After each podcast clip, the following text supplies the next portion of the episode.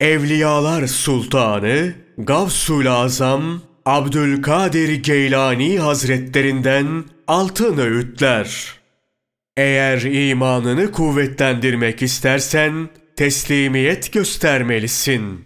Aziz ve celil olan Allah'a yakın olmak istersen kendini onun hükmüne, takdirine ve fiiline teslim etmelisin.